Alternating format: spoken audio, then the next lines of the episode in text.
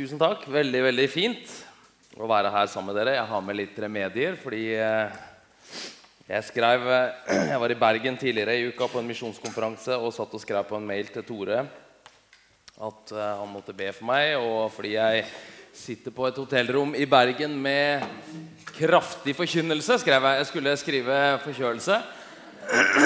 Men la oss håpe at det blir mer kraftig forkynnelse enn forkjølelse. Sånn mens jeg er her nå, Veldig fint å være sammen med dere. hvert fall. Eh, noen av dere kjenner jeg, og noen burde jeg kjent, men har glemt. Så eh, eh, takk for invitasjonen. Truls heter jeg. Bor i Skien. Born and raised. Eh, gift med en kone som sitter bak der, som heter Gro. Så har vi tre barn som jeg allerede har sendt en melding til før de har klart å gratulere meg. Og bare takka for at jeg får være faren deres. Det er liksom så, litt sånn dårlig påminnelse om at det er farsdag i dag. Eh, Men de begynner å bli store. 17-22 år. Vi eh, bor altså da i Skien, og jeg jobber på Høgskolen for ledelse og teologi. Som drives av pinsebevegelsen og baptistsamfunnet. Og så holder vi på å eh, plante en menighet, Salt Skien. Eh, så vi har nok å henge fingrene i. Jeg skal begynne å vise noen feriebilder. Ja. Det er jo en litt sånn dårlig start. Det er jo liksom sånn du gjør når du syns at gjestene har sittet litt lenge utover fredagskvelden. Nei, men Skal vi ikke se på feriebilder, dere? Da får jo de fleste lyst til å gå. Eh, men jeg tenkte jeg skulle begynne med noen feriebilder fra en tur vi hadde i eh, Manila for, for noen år siden. Du vet at Når du drar på et sted, så fins det en del sånne turistfeller som du bør unngå. Eh, og vi ramla i en av dem. og Det er eh, da en sånn heste, kjøre hestekjerre i gamle Manila som vi fant ut etter hvert ikke var så gammel likevel, for mesteparten var jo bomba under andre verdenskrig, som var bygd opp igjen etterpå. Men eh, når vi da skal ta denne hestekjerra rundt, hvis du får fram første bilde der, så er det Ja, det er min svigerfar til venstre. Han kunne holdt en egen preken om, men det skal jeg ikke gjøre. Ja, Den ville vært veldig positiv. altså Han er en fantastisk mann. Eh, men det jeg har tenkt å prate litt om, det er denne hesten eh, som dere ser. Eh, dette hvite øket i midten av bildet der. Og jeg veit ikke om dere ser det, men det er noe med beinstillingen på denne hesten her. Jeg skal ikke framstå her som noen, noen ekspert på hester, men de fleste hester jeg har sett, har liksom to par bein som står ved siden av hverandre, mens den her har to parallelle, altså en litt sånn V-form eh, foran der. Og hvis du klikker en gang til Jeg vet ikke om vi får det fram på bildet, men eh, det er noe med ryggen også her, altså som har en form som en sånn eh, udal på Vestlandet. Tennene var eh, ja, litt sånn grønnaktig, og svigerfar, som da satt foran i denne hestekjerra, kunne også fortelle at denne hesten nok ikke var helt god i magen heller. Eh, og jeg tenker at, og, at denne hesten burde jo vært pølser istedenfor å ri rundt i Manilas gater. Og dette her er liksom ikke for å tråkke noen på tærne, alternativt klovene, sånn eh, helt i begynnelsen. Dette er ut fra dyrevelferdsgrunner, for denne hesten hadde det ikke bra. Det som er interessant, denne karen i eh, Kiwi-skjorte bak der, eh, som eier hesten, han kunne da stolt fortelle oss at, hva hesten het. Og han sa His name is Rambo because he is so strong. Han heter Rambo fordi han er så sterk. Du vet, Det fins jo sånne mennesker rundt i verden sånn som denne kusken her, som liksom nekter å godta tingenes tilstand. Og tenker at eh, denne hesten har det jo ikke bra, den er langt fra sterk, men la oss kalle den Rambo. Så er det akkurat som bare vi gir den et annet navn, så løser det liksom problemet. Så vi bare pynter litt på det. Kanskje har du en sånn sjef eller et eller annet en sånn som liksom Det fins ikke problemer. Det fins bare utfordringer. Kanskje er du en sånn, for alt jeg veit. Men disse folka som liksom nekter å godta Og det er jo bare tøv. Altså, Det fins jo reelle problemer, og de blir ikke bedre om du bare kaller de utfordringer. Ikke sant? Sånn som uh, denne viking Vi har jo lange tradisjoner for det i uh, denne delen av verden. Sånn som Eirik Raude, som da finner Grønland og kaller det nettopp Grønland.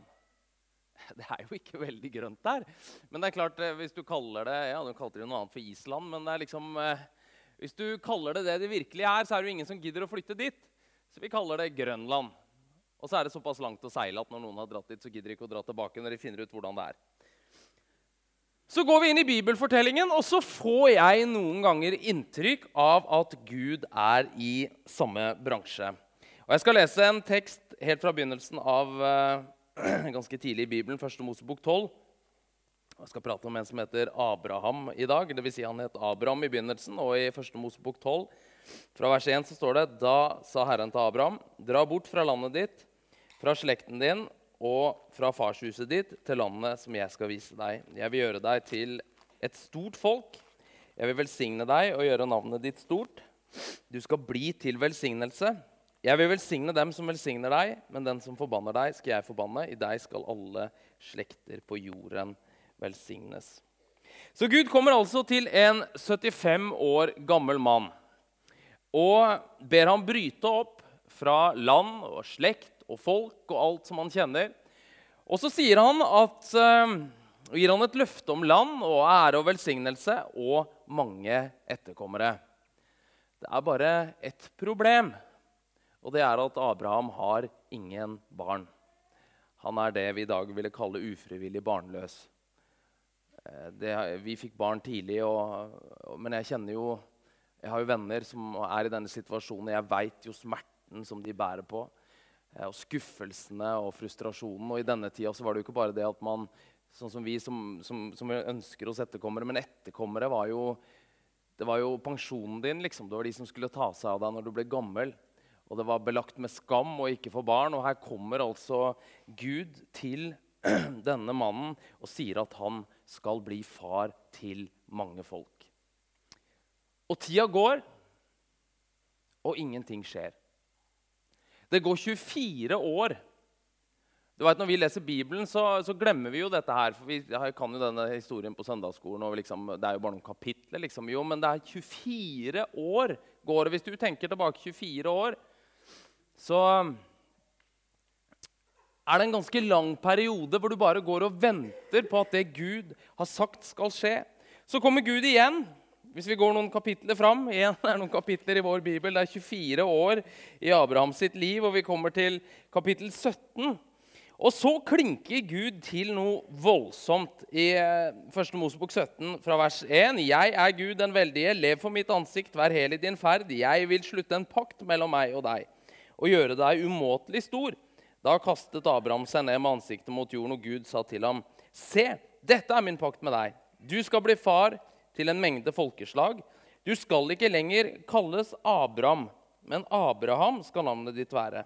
Jeg skal gjøre deg til far til mange folkeslag. Jeg vil gjøre deg svært fruktbar. Jeg vil gjøre deg til mange folkeslag. Konger skal utgå fra deg. Og nå er det ikke bare det at det er et uoppfylt løfte, men nå får mannen et nytt navn. Og jeg tenker at noen burde jo være der og stoppe Gud, for dette er jo å holde folk for narr. Altså, Det er jo sjelesørgerisk forkastelig. Tenk deg nå når Abraham liksom kommer på jobb Jeg vet ikke hvor han jobba hen, men han kommer der på jobb på mandag, liksom, og folk sier 'Hei, Abraham. Åssen har helga vært? Har det vært en fin helg?' Og, Nei, det er ikke lenger Abraham, det er Abraham. Abraham, ja. Far til mange folk. Du har jo ikke et eneste barn. Altså, og jeg hører kusken fra Manila i bakgrunnen her. His name is Rambo because he is so strong. He's the father of many nations. Han er far til mange folkeslag. Jo, men mannen har jo ingen barn.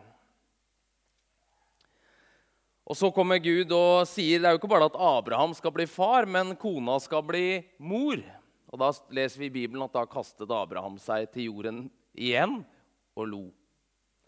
Liksom en ting var at han skulle bli far, men at kona skulle bli mor. Det var helt utenkelig. Og Gud kom jo på besøk til Abraham. Jeg vet at eh, hvis du, hvis du, ikke kjenner bibelhistorien, så går jeg kanskje litt fort fram. Men Abraham hadde en kone som het Sara.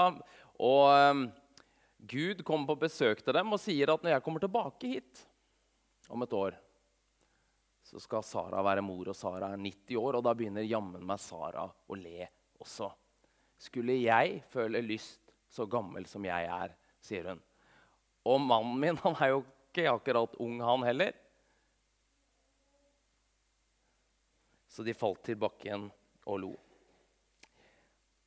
Jeg vet ikke om eh, Vi skal la denne historien ligge litt. og jeg skal komme tilbake til den, Men du vet jo at eh, det hender jo eller ikke bare hender. Det, Gud sier jo en del ting til oss også. Han sier at vi er elsket betingelsesløst. Samtidig så tutes vi ørene fulle av en masse budskap om at vi absolutt ikke er elsket sånn som vi er, men at vi burde fikse på det ene og det andre så vi blir elskverdige. Altså, Du sa jo litt om det, Lene, at vi ikke skulle bekymre oss. Gud sier jo det, men det er greit for deg å si der oppe, liksom. Men akkurat her nede så tårner disse regningene seg opp i nettbanken. Og lønninga strekker ikke til. Så du kan godt sitte og si vi ikke skal bekymre oss, men det er ikke så veldig lett. Og Han sier jo at han skal være med oss, men ofte så føles han jo uendelig langt borte. Og Når du kikker opp på himmelen og ser på fuglene som har vett til å fly sørover, så flyr de ikke lenger i V, men de skriver L for luser over hele himmelen. Og du bare kjenner at dette livet er ikke sånn som du ønsker det skulle være. Jeg fikk denne meldinga her på mobilen min en gang. Hvis du klikker en gang til. Jeg leser jo Bibelen en gang til. Jeg leser jo Bibelen min på, på mobilen. og Bibelen har dessverre stoppet. Jeg vet ikke om noen har hatt den følelsen noen ganger. At uh, det er liksom en ganske stor avstand mellom det jeg leser i boka, og det jeg ser i min verden. Jeg leser liksom om å ikke bekymre meg, og jeg leser om at han elsker meg, og jeg leser om det ene og det andre, men når jeg ser på livet mitt, så føles det virkelig ikke sånn. Og så blir det en, en kontrast mellom det jeg leser, og det jeg hører om Gud og det jeg opplever i mitt eget liv. Og jeg veit ikke om jeg skal gjøre som Abraham og falle til jorda og le, eller om jeg skal begynne å grine. Men så er det da en forskjell på kusken i Manila, som gir øket et navn, annet navn for å liksom bare pusse på realitetene og Gud. For når Gud kommer til Abraham og sier at du skal bli far til mange folk, så er det liksom ikke bare for å oppmuntre han. For å gi han et klapp på skuldra liksom, og 'Don't worry, be happy'. Det ordner seg, liksom. Nei, når Gud kommer, så skaper han også det han sier. Og Abraham framstår gjennom Bibelen som en av de store forbildene for den kristne troen. Og I Romerbrevet kapittel 4 så plukker apostelen Paulus opp denne historien om Abraham og løfter han fram som, en, eh, som et forbilde for oss som tror. Og Paulus sier om Gud at han er den som gjør de døde levende og kaller på det som ikke er til, som om det var til. Så når Gud sier 'du skal bli far til en mengde folk', så er det ikke som kusken. For det er ikke bare en allmenn oppmuntring. Men når Gud taler, så skaper han denne nye realiteten som han taler om. Så det er mer enn positiv bekjennelse. Og Vi kan lese her videre fra i Romerbrevet 4,19 at selv om alt håp var ute, holdt Abraham fast på håpet og trodde og Derfor ble han far til mange folkeslag, som det var sagt til ham. Så tallrik skal etten din bli. Han var nesten 100 år, men ble likevel ikke svak i troen. Da han tenkte på sin egen kraftløse kropp og for Saras døde mors liv. Hørte du det? Han tenkte på det. Altså, han står jo liksom ikke foran speilet der og jeg vet ikke, jeg ser på skrukken liksom, og tenker at det blir ikke mye barn av dette her. Liksom. Her trengs det mer enn Botox og Viagra hvis det skal skje noe her. Eh, men det står at han tenkte på Altså, Han driver ikke og benekter det liksom, og står hjemme og bekjenner for seg selv liksom, at 'jeg er 20 år igjen, jeg er viril som en, unge, som en okse', liksom, et eller annet, hva nå han drev med. Men han tenkte på Altså, Mannen er 100 år gammel. Kona har det ikke lenger på kvinners vis, som det står i Skriften. Altså, dette, Her er løpet kjørt, liksom. Og han ser det. Dette ser ikke bra ut. Men likevel så står det Han ble ikke svak i troen da han tenkte på sin egen kraftløse kropp og på Saras døde mors liv. Han var ikke vantro og tvilte ikke på Guds løfte, men ble sterk i troen og ga Gud ære. For han var overbevist om at det Gud hadde lovet, hadde han også makt å gjøre. Derfor ble han regnet som rettferdig så er det noe med dette kristne livet, da, dette livet i tro, som innebærer å se med mer enn øynene. som nekter å godta at det vi ser, og det vi sanser, er alt som er. Dere husker jo apostelen, eller Han ble apostel etter hvert, og disippelen Thomas. Hvor de andre, de, Han er jo på alle møtene, bortsett fra ene, den ene gudstjenesten når Jesus selv dukker opp liksom etter at han har stått opp igjen. Og alle de andre er helt fra seg og har liksom teppebomba Facebook, og de har sett Jesus, og Thomas sier at nei, vet du hva, det der tror jeg ingenting på. Hvis ikke jeg får kjenne på han og stikke fingrene inn i sårene, så tror jeg ikke noe på det. Så kommer Jesus og viser seg for Thomas også. og Så sier han, kom og, kom og kjenn på meg, Thomas. Men så sier han også at fordi du har sett meg, tror du. Salig er de som ikke ser, og likevel tror. Den britiske forfatteren eh, G.K. Chesterton han sa det at eh, en gal mann er ikke et menneske som har mistet fornuften. Det er et menneske som har mistet alt bortsett fra fornuften. Det å være en kristen er å være en troende. Det er å ikke slutte å tro på det vi ser rundt oss. Det er en parodi av tro. Det har ingenting med tro å gjøre det er fornektelse. Men det handler om å se noe mer enn det vi ser med øynene. Og jeg, jeg, snakker ikke om virkelighetsflukt i det hele tatt. Og noen av oss har jo vært med på sånt tøys. Og det er ikke det jeg snakker om i det hele tatt, men det handler om at å gjøre som Abraham. Og se at sånn er situasjonen. Og sånn ser det ut. Men likevel så velger jeg å tro på Gud. Hvis vi gjør enda et hopp fram i Bibelen, så er det et eh, kapittel i Hebrebrevet, hvor forfatteren skriver et helt kapittel, kapittel 11, som handler om tro. Og Der står det om Abraham at i tro var Abraham lydig da han ble kalt. Så han dro til et land han skulle få i arv. Han dro av sted uten å vite hvor han kom. Han dro av sted uten å vite hvor han kom. Det er en dimensjon i dette livet med Gud som innebærer å stole på han utover at regnestykket ikke alltid går opp, hvis vi bruker en helt sånn sekulær fornuft. Og det dreier seg ikke om at du og jeg skal prøve å blåse oss opp til et eller annet greie. liksom. Sånn at du bare du gjør det på denne måten og føler at du tror nok. og liksom, oh, der er det liksom, og Hadde du ikke knytt skolissene, så hadde du ligget og svevd oppunder uh, i himlingen her. Det handler ikke om det i det hele tatt, men det handler om hvem du tror på. Det handler ikke om deg. Det handler, og det handler ikke om hvor mye du tror, men det handler om at du tror på Gud. Du vet at Hvis jeg går bort til veggen her og lener meg mot den Grunnen til at jeg fortsatt står og ikke alt ramler sammen, er jo ikke fordi jeg er så flink til å lene meg. Det er jo fordi at veggen er solid. Og når mine unger eh, de bør ikke gjøre det nå, for det kommer ikke til å gå bra. Eh, nå er det stort sett de som bærer rundt på meg. Men når de var små og kasta seg i armene mine, så var det jo ikke eh, at det gikk bra, var jo ikke fordi de var så flinke til å kaste seg. Det var jo fordi jeg tok imot. Og Sånn er det med Gud. Og det handler jo ikke om at du og jeg det er fordi vi tror så fantastisk mye. Og vi er så spektakulære i vår tro. Nei, det handler om at vi tror på en Gud som vi kan ha tillit til. Og så veit jo du og jeg som har vært ute en vinternatt før, at det å tro på Gud er ingen garanti for en problemfri reise. Tvert imot så kan det være sånn at eh, troen også kan føre oss opp i en eller annen eh, utfordring. Men troen handler likevel om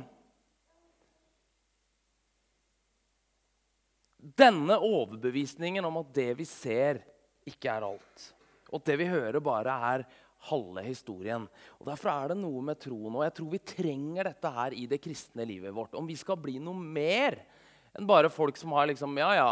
Noen er opptatt av politikk, og noen er opptatt av fotball. Og vi er opptatt av Jesus, liksom, så vi sitter her en søndag. Men hvis vi skal komme inn i det som Gud ønsker å gjøre for oss, for familiene våre, for byen vår, for landet vårt, så trenger vi å være troens folk. Og det er noe trassig ved denne troen som, som nekter å la synd og skuffelser og død og elendighet få siste ordet. Troen er armen som strekker seg forbi det vi ser, og griper tak i Gud, som griper oss. Altså, Troen er det som gjør at du kan skrive 'død, hvor er din brodd?' på en gravstøtte.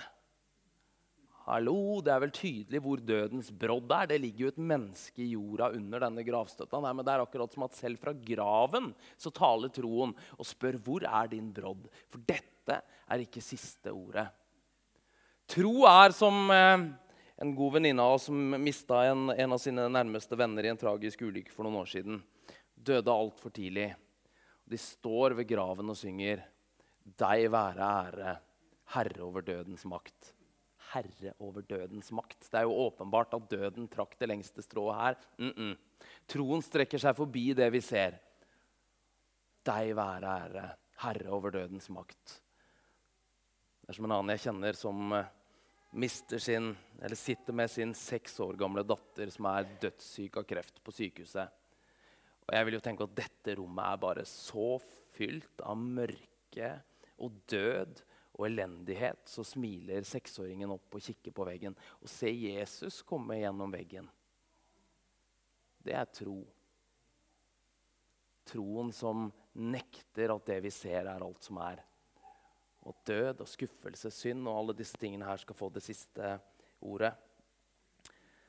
Og så skal ikke jeg komme her og drive med ulovlig markedsføring og si at bare du tror, så kommer alt til å bli sånn som du ønsker, og alt kommer til å bli bra. Det har vi ingen garanti for. Og jeg veit ikke om du, når du i din vandring med Gud og din tro med Gud kommer til å få det livet du ønsker deg, eller om du kommer til å få styrke til å bære det livet du får, selv om det ble veldig annerledes enn det du hadde tenkt. Men det jeg veit, det er at den guden vi tror på, alltid kommer til å være med oss. Og jeg har lyst til å lese noen vers fra Hebrebrevet 11, helt fra slutten der, hvor forfatteren går helt amok i å, å, liste opp en del av disse folka som vi leser om i Bibelen, som levde i troa. Han sier at eh, Hva skal jeg ellers nevne? Tida strekker ikke til hvis jeg skal fortelle om Gideon, Barak, Samson, Jefta, om David, Samuel og profetene. Ved tro vant de over kongeriker, holdt retten oppe, fikk løfter oppfylt, lukket gapet på løver Slukket voldsom ild, slapp unna bitende sverd, gikk fra svakhet til styrke, ble sterke i krig og slo fiendtlige hærer på flukt. Kvinner fikk tilbake sine døde. De hadde stått opp. Og jeg sier ja og amen og håper at jeg blir med i denne lista her. For det hadde jo vært fantastisk å se sånne ting. Men så fortsetter forfatteren. Noen ble torturert. Å nei! Og avslo å bli kjøpt fri. For de ville heller stå fram til en bedre oppstandelse. Andre måtte, lide, andre måtte tåle spott og piskeslag, ja, til og med lenker og fengsel. Noen ble steinet, saget i stykker eller drept med sverd. Andre måtte gå omkring i saueskinn og geiteskinn, nødlidende, forfulgt og mishandlet. Verden var dem ikke verdig, og de måtte flakke omkring i øde trakter og på fjell og holde til i grotter og huler. Alle disse fikk godt vitnesbyrd for sin tro, men de oppnådde ikke å få det som var lovet. Gud så for seg noe som var bedre for oss, at de ikke skulle nå fram til fullendelsen uten oss. Så det var ikke sånn med disse folka her at ikke de visste nok eller trodde nok, sånn som en del trosforkynnere har sagt. Så når du er syk, eller du er fattig, eller du ikke får det til, så er det fordi du ikke tror nok. At du ikke har Nei, Nå skal jeg ikke begynne å rote med en eller annen TV-kanal. Eh, det er fordi at du ikke har gitt du, du, har ikke den rette kunnskapen eller den rette teologien eller har gitt på de rette stedene. Ja, Men det er ikke det det står her. Det var jo nettopp fordi de trodde at noen av disse opplevde det de gjorde. Og det er heller ikke fordi de var gode nok, sånn som domsforkynnerne har fortalt oss. Det er fordi at du gjør noe feil. Disse tingene skjer fordi det er synd i livet ditt. Her er det noe som ikke er galt. Nei, det er ikke det det står. Det var jo ikke det at ikke de var gode nok, det var verden som ikke var god nok for dem. leser vi. Så livet blir ikke nødvendigvis slik som vi ønsker oss. Men så er det noe med denne troen da, som strekker seg forbi det som er her, og som griper tak i Gud og de løftene som han har gitt. Så Gud kommer til en barnløs mann og sier at 'jeg skal gjøre deg til far for en mengde folk'. Og så ser vi at det er mer enn gimmick i denne fortellingen. Det er mer enn kusken som kaller hesten Rambo. For når Gud taler, så skaper han det han sier. Um, vet, Noen ganger så forutsetter vi at folk kan disse fortellingene. her, og jeg, jeg talte om dette her et annet sted, og Da kom det en springende fram på slutten av møtet og spurte fikk han den sønnen sin. Ja, han gjorde jo det. Han fikk jo Isak. Løftet ble oppfylt. Og Sara, som lo fordi hun tenkte på gamle Abraham og at hun skulle få barn, hun ler igjen. I første Mosebok 21 står det da sa Sara, Gud har fått meg til å le. Alle som hører dette, kommer til å le med meg. Og hun sa, hvem kunne sagt til Abraham at Sara skulle amme barn? Men nå har jeg født ham en sønn på hans gamle dager. Og Likevel så er det noe med at løftet ble bare delvis oppfylt. Han skulle jo ikke bare få én sønn, han skulle få en, ett så tallrik at den ikke kunne telles. Og her sitter vi. Og vi er jo svar på dette løftet som Gud gav. Vi som følger i fotsporene til den troende Abraham. I denne troen døde alle disse uten å ha fått det som var lovet, leser vi i Brevbrev 11. De bare så det langt borte og hilste det, og de bekjente at de var fremmede og hjemløse på jorden. Så er det noe med den troen vi har, da, som strekker seg forbi skuffelser og sykdom og nederlag og alle disse tingene som vi møter i livet, og nekter å gi det siste ordet men strekker seg i tro til Gud. Men så har jeg lyst til å dra til skrustikka litt. For jeg tror at Gud også oppfordrer oss til at denne troen som vi har, også skal få konsekvenser for hvordan vi lever livene våre. Guds folk er troens folk. Og vi lever, og det skal vi ikke glemme, at vi lever i denne norske, skandinaviske, sekulære kulturen som på mange måter som en eh, en som heter Oss Guinness, sa at sekularismen er troens sure nedbør. Den bare fortærer bort troen, og det er et sånt press på oss til å bare Ja, ja, du skal da få ha din lille private tro. Det er jo bare fint. Og at du drar den fram litt i høytidene og liksom de kristne livs, livsløpsritualene. Men den troen vi leser om i Bibelen, er en mye sterkere kraft enn det. Fordi vi marineres i en virkelighetsoppfatning hvor Gud i beste fall er en type ekstrautstyr for de spesielt religiøst interesserte blant oss. Og vi har så lett for å bli så besteborgerlig i vår tro. Og i praksis så er vi ateister. Vi lever som om Gud ikke fins. Og Jeg sier ikke nå at nå skal vi begynne med en masse rariteter her liksom, og, og bli helt speisa og, og merkelige. Men hva om vi drar på et par knepp i vår forventning til Gud? Hva om vi setter oss bitte grann lenger framme på benkeraden og ber om større ting og forventer større ting og bruker mer tid til å lytte til Gud? Hva er det du sier at vi skal gjøre? For hva om, hva om Gud virkelig lever? Hva om dette virkelig er sant? Leslie Newbegin, en av eh, forrige århundres største misjonsteologer, han stiller dette spørsmålet her, og Han bruker veldig mange ord på det. og jeg husker ikke helt hvordan han sier det, men basically så sier han dette her. Hvordan skal evangeliet forklares til mennesker som har levd hele sitt liv uten tanke på at Gud fins? Det var en amerikansk religionssosiolog som dro til Skandinavia, Danmark og Sverige og Hans poeng var å finne ut at vi kunne ha gode samfunn uten at folk tror på Gud. Eh, det kan vi jo mene hva vi vil om. Men det var ett spørsmål. Han forteller om en hendelse hvor han er i, i Sverige.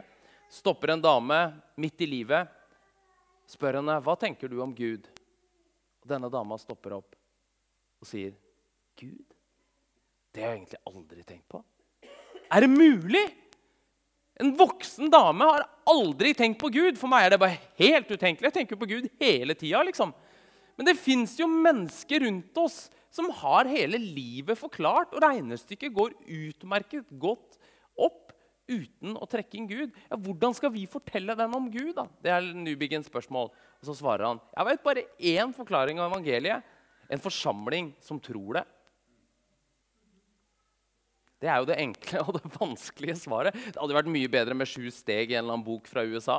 Men en forsamling som tror det Hvis vi virkelig tror dette her, og hvis vi tør å ta noen flere skritt i tro til Gud. Og Jeg snakker ikke om at, som sagt, at nå skal du begynne med masse rare greier og, og bli helt speisa, men noen ganger så trenger vi sånn som Peter. Herre, er det deg? Så be meg komme til deg på vannet. Og så må vi tørre. Jesus kom ikke og bar liksom Peter opp av båten og tok han ut på vannet, men han måtte tørre å ta dette steget og sette foten på vannet. For bare da fikk han se at dette løftet holdt. For Hvis dette er sant, hvordan er livene dine og livet mitt og livet ditt annerledes pga. det? Vi har kjent dette her veldig tydelig nå når vi begynner å plante menighet i Skien. fordi jeg har et par andre ting jeg kunne gjort som er mye mer bekvemt. Men det er noe med at når du hører Gud tale, så må vi tørre å gå. Og Jeg veit ikke hvor du er, jeg veit ikke hvor dine kamper står, jeg veit ikke hva du kjenner at Gud kaller deg til, men jeg har lyst til å utfordre deg til å tørre å ta disse stegene. Til å skru opp forventningen litt. Til å lytte enda litt tydeligere. Til å tørre å gå når Gud kaller. For når vi tør å handle når Gud kaller, som Gud gjorde til Abraham Dra bort fra din land og fra ditt slekt. Og Kanskje gjør han ikke det med deg. Vi satt i en samtale sist i går kveld med noen som lurer på om de skal flytte til et annet sted i landet, for de tror at Gud kaller de til det. Og jeg er overbevist om at i enden av den lydigheten så fins det et eventyr i tro. Og Når vi tør å handle på det, så blir denne trosfortellingen som denne boka her er, det blir også vår fortelling. Og Jeg skal avslutte med noen vers fra som fulgte rett etter det som jeg leste i stad i, i Hebrebrevet kapittel 12 og fra vers 1. Derfor skriver forfatteren og vi har en så stor sky av vitner omkring oss. Ja, Hvilke sky av vitner? Jo, alle disse folka som trodde Gud, og som opplevde alle disse tingene. Det er som om de står og heier på oss. Og klapper og applauderer. og liksom, 'Nå må dere løpe deres løp.' Og så skriver forfatteren at når vi har en så stor sky av vitner omkring oss, så la oss legge av alt som tynger, og synden som så lett fanger oss inn, og med utholdenhet fullføre det løpet som ligger foran oss, med blikket festet på ham som er troens opphavsmann og fullender Jesus. For å få den glede han hadde i vente, holdt han ut på korset uten å bry seg om skammen, og nå har han satt seg på høyre side av Guds trone. Ja, tenk på ham. Tenk på ham som, hadde, som holdt ut en slik motstand fra syndere, så dere ikke blir trette trette og motløse. Herre, vi takker deg for at vi kan stole på deg. Og Vi takker deg for at du holder det du sier. Og jeg vil be for oss alle sammen nå, Herre, at vi skal virkelig være troens folk. At vi skal få erfare at når du kaller, så bærer du også.